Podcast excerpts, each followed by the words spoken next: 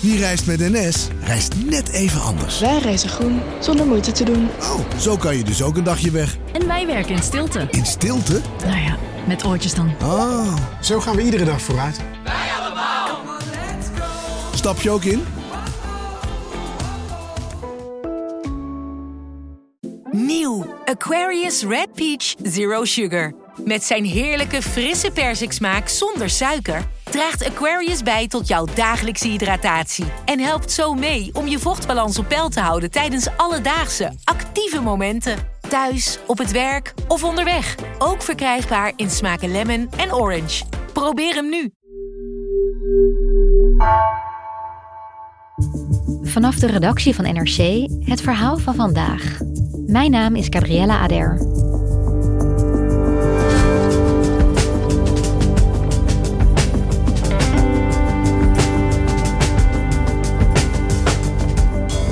Vandaag is het precies een jaar geleden dat Rusland Oekraïne binnenviel. En nog steeds wordt er in het zuiden en oosten van het land hard gevochten door de Oekraïners om de Russen tegen te houden. Oekraïne-verslaggever Floris Akkerman ging naar het front en zag daar hoe Oekraïense militairen vechten voor hun vaderland.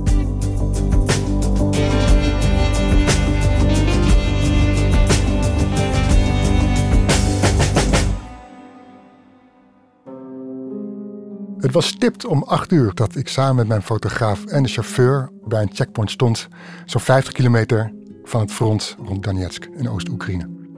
Daar hadden we afgesproken met een legerwoordvoerder, die we de paar dagen daarvoor hadden benaderd, om de eerste tankbrigade uh, te kunnen bezoeken die zich daar bevindt. En nou, die legerwoordvoerder die vond dat een goed plan, om het zo maar eventjes uh, te zeggen. En nodigde hem uit om naar dat punt te komen. Dus hij stuurt dan via uh, je telefoon of gewoon Google Maps een locatie. Dus wij daar op tijd naartoe, want als we dood natuurlijk dat we missen. En dan mis je, de mis je, hele verhaal. En uh, toen kwam hij rond half negen opdagen. En vervolgens, uh, ja, je, staat daar, je bent eerst aan een checkpoint geweest. Daar laat je je papieren zien, je accreditatie en je paspoort. En vervolgens rij je nog een stukje door en dan mag je ergens naar rechts. En dan wachten we op die legerwoordvoerder. En op het moment dat je daar bent, dan zit je eigenlijk al in een andere wereld. Dat is een wereld, geen vrouwen, geen kinderen, geen normale westerse schone auto's. Nee, het is een wereld met alleen maar mannen, met mitrailleurs, met machinegeweren, uh, militaire voertuigen, terreinwagens, omdat de, ja, de wegen zijn slecht. Het is een wereld waar alles draait om, om het leger, om militaire aanwezigheid. En waar was dit precies, dit punt? Dat mag ik niet zeggen, omdat de exacte locatie waar die tankbrigade zich bevindt, dat hebben de Oekraïners liever niet. Daarmee kun je ze verraden aan de Russen. De locatie is bij het Donetsk front. Dus dat is in het oosten. En dat was tussen Zaporizhia en Donetsk in. Maar dat is het verzamelpunt. Dat is nog 50 kilometer van het daadwerkelijke front. 50 kilometer van het daadwerkelijke front betekent dus dat je eigenlijk ook buiten het Russische artillerie bereikt bent. Op het moment dus dat je met die legerwoordvoerder instapt richting die eerste tankbrigade, ga je door een gebied dat eigenlijk, ja, dat is één grote vlakte, besneeuwd. Uh, er is niemand, het is niks. Je rijdt langs loopgraven. Echt loopgraven zoals we die kennen uit de Eerste echt, Wereldoorlog? Echt van alle films uh, uit, uit, de Eerste Wereldoorlog bijvoorbeeld. Ja, zeker. Dus wat dat betreft is het aan de ene kant een oorlog heel uh, klassiek als in de Eerste Wereldoorlog. Aan de andere kant zijn natuurlijk heel veel moderne technieken die worden gebruikt. Maar daar is het nog echt Eerste Wereldoorlog. Dus rijd je door dat veld, langs verlaten dorpjes, kapotgeschoten huizen die er eerder zijn geraakt. En dan kom je uiteindelijk bij die tankbrigade, bij de eerste tankbrigade. En dat was ochtends. Dus uh, rond een uur of uh, half tien, schat ik. En dat is op vijf kilometer van het front. En die eerste tankbrigade heeft eigenlijk twee punten. Vijf kilometer van het front en drie kilometer van het front. Dus daar zijn ze over verdeeld. Vijf kilometer van het front hebben ze een, een basis. Daarin slapen ze. Uh, en daar staan ook tanks te wachten. Op drie kilometer van het front, dat is dichterbij, daar staan de tanks echt klaar om, als het moment daar is, als ze worden opgeroepen, meteen naar het slagveld te gaan. Dus dat vijf kilometer is een soort van, van ontspanningsrustpunt. En daar hoef je niet meteen in actie te komen. Maar op het drie kilometer punt, daar staan ook, dus ook tanks. En daar zijn ook manschappen. Daar moet je dus echt klaarstaan. Alle minuut kunnen, op je tank kunnen springen om naar het slagveld te rijden. Witte vlakte, sneeuw, loopgraven, blindage, boomstammen. Is nu al een knal. Kleine sneeuwhopen aarde nu een trilde lucht van ontploffingen. met de tank hier naartoe gereden. Dichter bij het front, hier zijn ze dichter bij het front om de manschappen direct, direct aan het front in de loopgraven te kunnen ondersteunen als het nodig is, als het moet. De plek waar jij nu was, wat voor strijd is daar nu gaande? Ja, het is niet dat daar 24 uur maal 7 wordt gevochten. Zoals je nu in Bakhmut hebt, waar het één groot slagveld is. Aan die, die locatie waar ik was, wat de Russen daar doen eigenlijk, die beuken constant op die Oekraïnse verdediging in. En ze zoeken naar een zwakke plek. Van waar kunnen we ze breken? En op het moment dat ze die hebben gevonden, dan proberen ze daar het terrein te pakken. Dus het is niet een, een, een, enorme gerichte aanval. Nee, ze, ze proberen gewoon te zoeken, te prikken naar die zwakke plek in de Oekraïnse verdediging.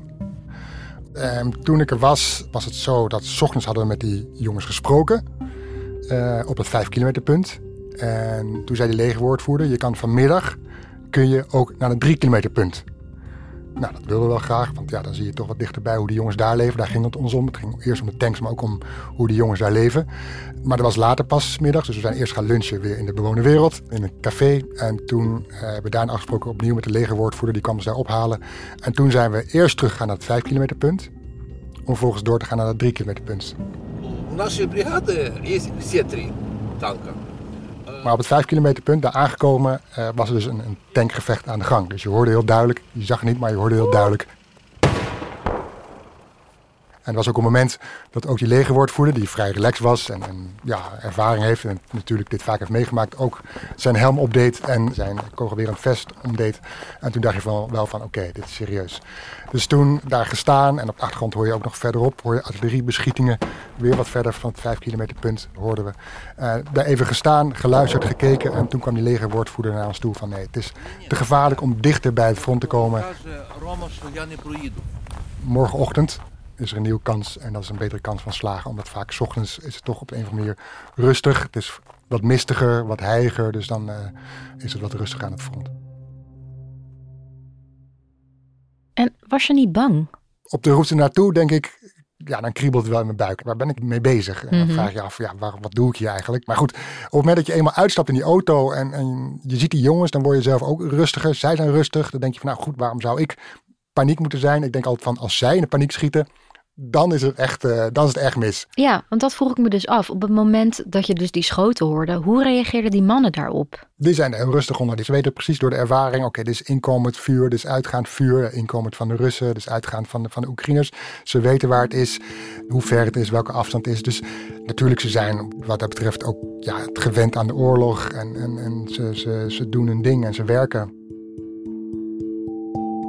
Dus vanwege dat gevecht um, konden jullie niet dichterbij komen en bleven jullie dan op deze plek? En hoe zag dat er dan uit? Hoe leven die militairen hier? Ja, dat 5 kilometer punt, dan heb je dus verschillende schuilplaatsen. En die hebben ze gemaakt uit verhoging, uit aardeval om het zo maar te zeggen. En met boomstammen.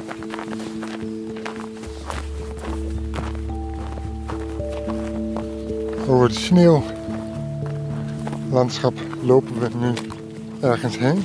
De zon komt door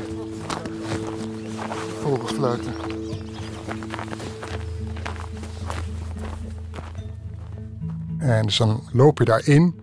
En eerst een klein gangetje en dan zie je wat stekkers en wat stekkerdozen waar ze een telefoon opladen. Dat kan oh. allemaal, want wow. er, er, er, er, loopt daar een generator. Dus er is elektriciteit. Ze hebben ook gewoon een lamp te hangen. Bij die schuilplaats waar ik was heb je zes stapelbedden. Waar ze gewoon ieder zijn eigen slaapplaats heeft. En waar ze rusten, waar ze eten. Uh, waar ze op een telefoon zitten te wachten en te kijken. Uh, te scrollen, te swipen. Uh, om de dag door te brengen. En voor de rest, ja, als je daar bent, ver, verderop staan dan tanks klaar. Die staan opgesteld in, vier garages of vier parkeerplekken, om het zo maar te zeggen. Dus die staan er daar vier klaar. En nou, die worden soms opgeknapt, gerenoveerd, gerestaureerd als er iets kapot is. Het zijn Russische tanks, ze zijn wat ouders. Die moeten ze dan één keer in zoveel tijd laten draaien. Dus, uh, om de motor warm houden. Zodat hij wel op het moment dat het nodig is meteen kan wegrijden. En dat je niet eerst uh, die weer afslaat of wat dan ook. Dus ze zijn wel bezig met die tanks. En voor de rest is het, ja, er hangt daar ook een, een buiten een soort van 5 liter jerrycan waarin ze eventjes hun handen kunnen wassen. En, kan je vragen? Ze kunnen niet douchen. Ze kunnen niet douchen, nee. Dus je kan je handen daar wassen. En, en desnoods je tanden poetsen. Uh, maar douchen zit er eventjes niet in.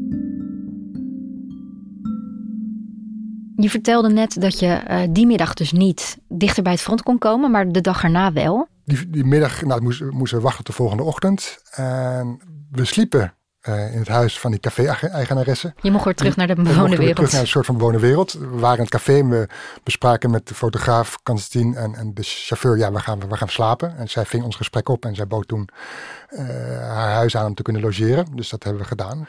Ehm, de volgende ochtend zou om vijf uur die legerwoordvoerder ons daar ophalen. En waarom zo vroeg? Omdat om zes uur begint de dienst, de shift, om het zo maar te zeggen.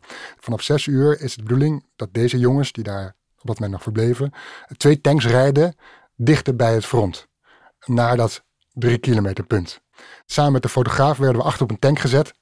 En er werd tegen mij gezegd, hou je goed vast, want het is nogal wiebelig. Je wordt aan alle kanten geschud. Dus ik hield me krampachtig vast onderweg aan een antenne. Een van een lange stok was dat. Ja, dus dan rij je daar, het was ongeveer, voor mijn gevoel, een kwartier ongeveer.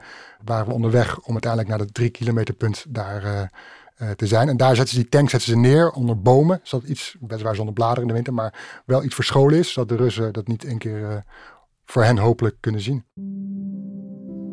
Dan kom je dus na dat stuk rijden op die tank aan, eh, dicht bij het front. Verschilt het leven van de militairen daar nou heel erg van wat je net beschreef? Ja, die drie kilometer post ja, merk je toch wel eh, dat die oorlog eh, ja, dichterbij is, om het zo maar te zeggen. Je hebt daar ook schuilplaatsen, maar dat is meteen al een stuk soberder. Dus geen stapelbedden, maar gewoon één soort geïmproviseerd bed van planken gemaakt waar ze met z'n allen op liggen.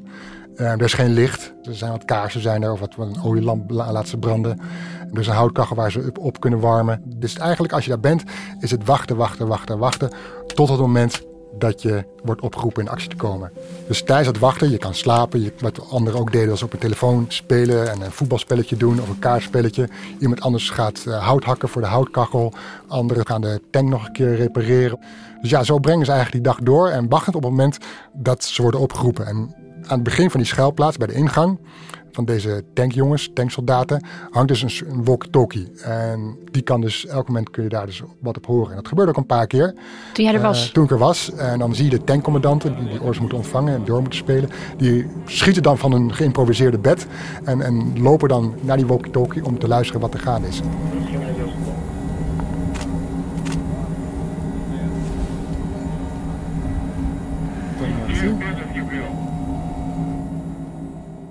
En toen jij er was, moesten ze toen ook daadwerkelijk van een order, eh nou ja, goed, verder naar voren gaan? Nee, nee, nee, nee. Die tankslag waar ik over vertelde was de dag ervoor. Daar hoorde ik van de legerwoordvoerder waarmee we contact hadden... dat daar zes Oekraïners bij waren omgekomen. Ну, погибли, як погибли. Ну, головне, щоб не мучилися, щоб швидко. Ну як? Жалко товариші, звісно, жалко. Разом служили, разом все. Het is niet een, twee tanks die op elkaar schieten aan de Oekraïnse kant. Het is een groter geheel. Dus er zijn meerdere mensen, eenheden die op dat moment eh, meevechten. Dus je hebt niet het totale plaatje. Dus je kan niet zeggen dat van die zes jongens dat dat ook toevallig die eh, van die brigade waren waar ik bij was. Ze weten vaak ook niet die jongens zelf waar ze op schieten. Dan ze weten wel wat het doel is, maar ze kennen niet het, het grotere plaatje van wat precies het e- echte doel is van dat gevecht op dat moment. Ja, terwijl er dus wel nog steeds mensen sneuvelen daar aan dat front. Dus je zou misschien wel willen weten wat er, wat er allemaal speelt. Ja, tuurlijk. eh, twee dagen eerder dat ik er was, was ook een tankslag. Toen waren er 21 Oekraïners waren omgekomen volgens de legerwoordvoerder. Dus ja, ehm, tuurlijk weet je, dat weten ze ook wel in grote lijnen. Maar niet precies wat op dat moment zich afspeelt en, en waarvoor ze precies aan het vechten zijn met welk doel.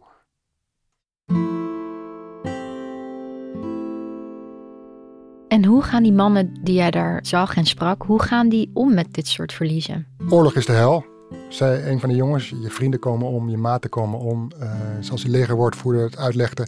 Ja, kijk, de, de Russen, die, dat is nu bekend, hè, die, die hebben heel veel mensen gemobiliseerd.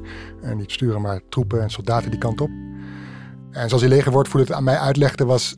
Je hebt bijvoorbeeld 50 Russen, 50 Oekraïnse soldaten tegenover elkaar. Ehm, de Russen schieten vijf Oekraïners neer.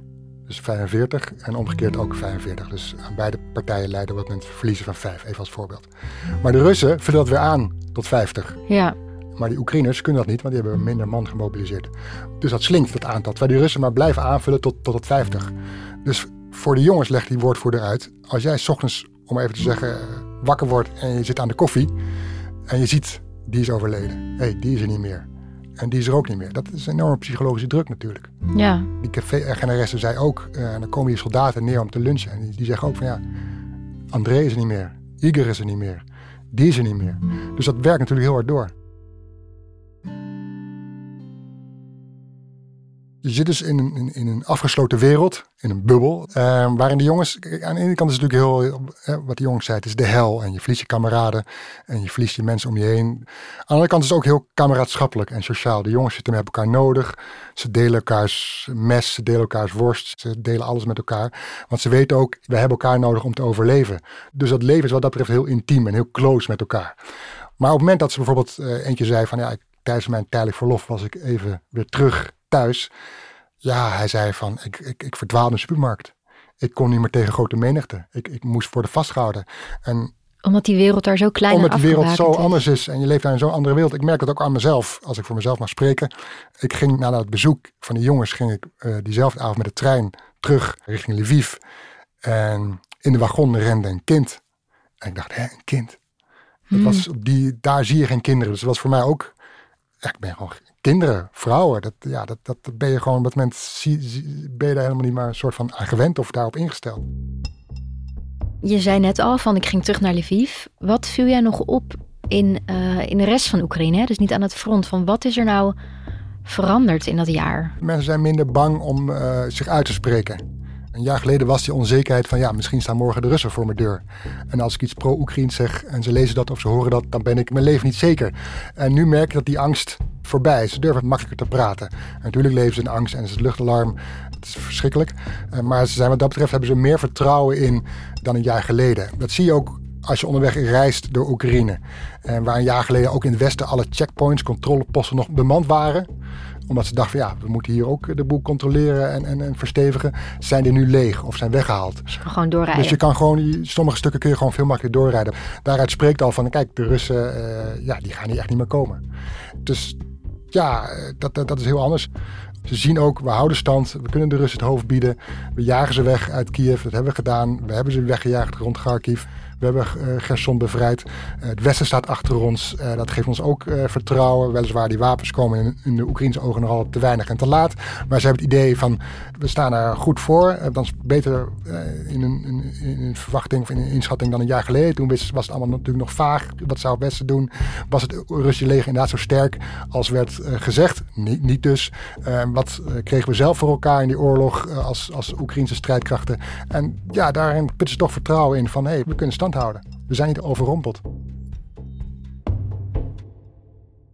Je zei net al dat die uh, militairen die je sprak dicht bij het front, dat die in een eigen bubbel zitten. Die, mm-hmm. die weten ook, ja, die weten dus niet zo goed wie waar wat allemaal staat. Zijn ja. zij wel bezig met de duur van deze oorlog? Nou, ik heb ze daar niet uitdrukkelijk naar gevraagd, maar ze zijn wel bezig bijvoorbeeld met van waar blijven die westerse tanks. En als we die westerse tanks krijgen, dan uh, slaan we die Russen terug. Daarvan zijn ze heilig van overtuigd. So it's for sure change the moral uh, of Russians uh, soldiers and it, will, it can change all situation. It's critically to change everything here. Je hebt weliswaar meer nodig dan alleen tanks om de Russen misschien definitief weg te slaan. Maar dat geeft ze wel van, ja oké, okay, kom op maar door met die tanks. Daar zijn ze meer mee bezig dan of het wel of geen jaar is of jaar duurt of wat dan ook.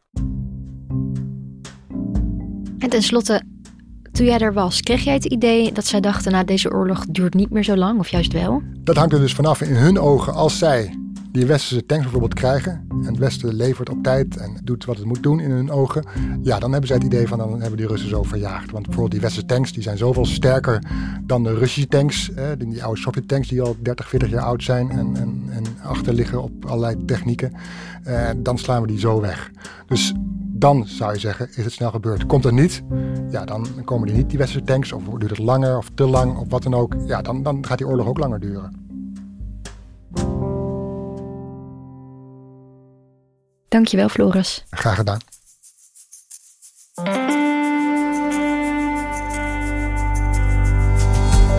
Je luisterde naar vandaag, een podcast van NRC. Eén verhaal, elke dag. Deze aflevering werd gemaakt door Iris Verhulsdonk, Ruben Pest en Marco Raaphorst. Coördinatie door Henk Ruigrok van de Werven. Dit was vandaag, maandag weer.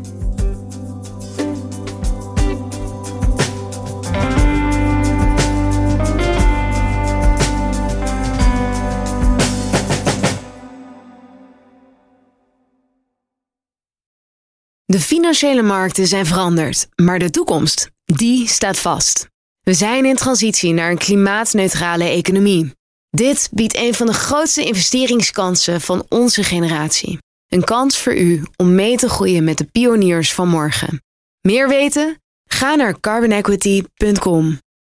Carbon Equity. Do good by investing better.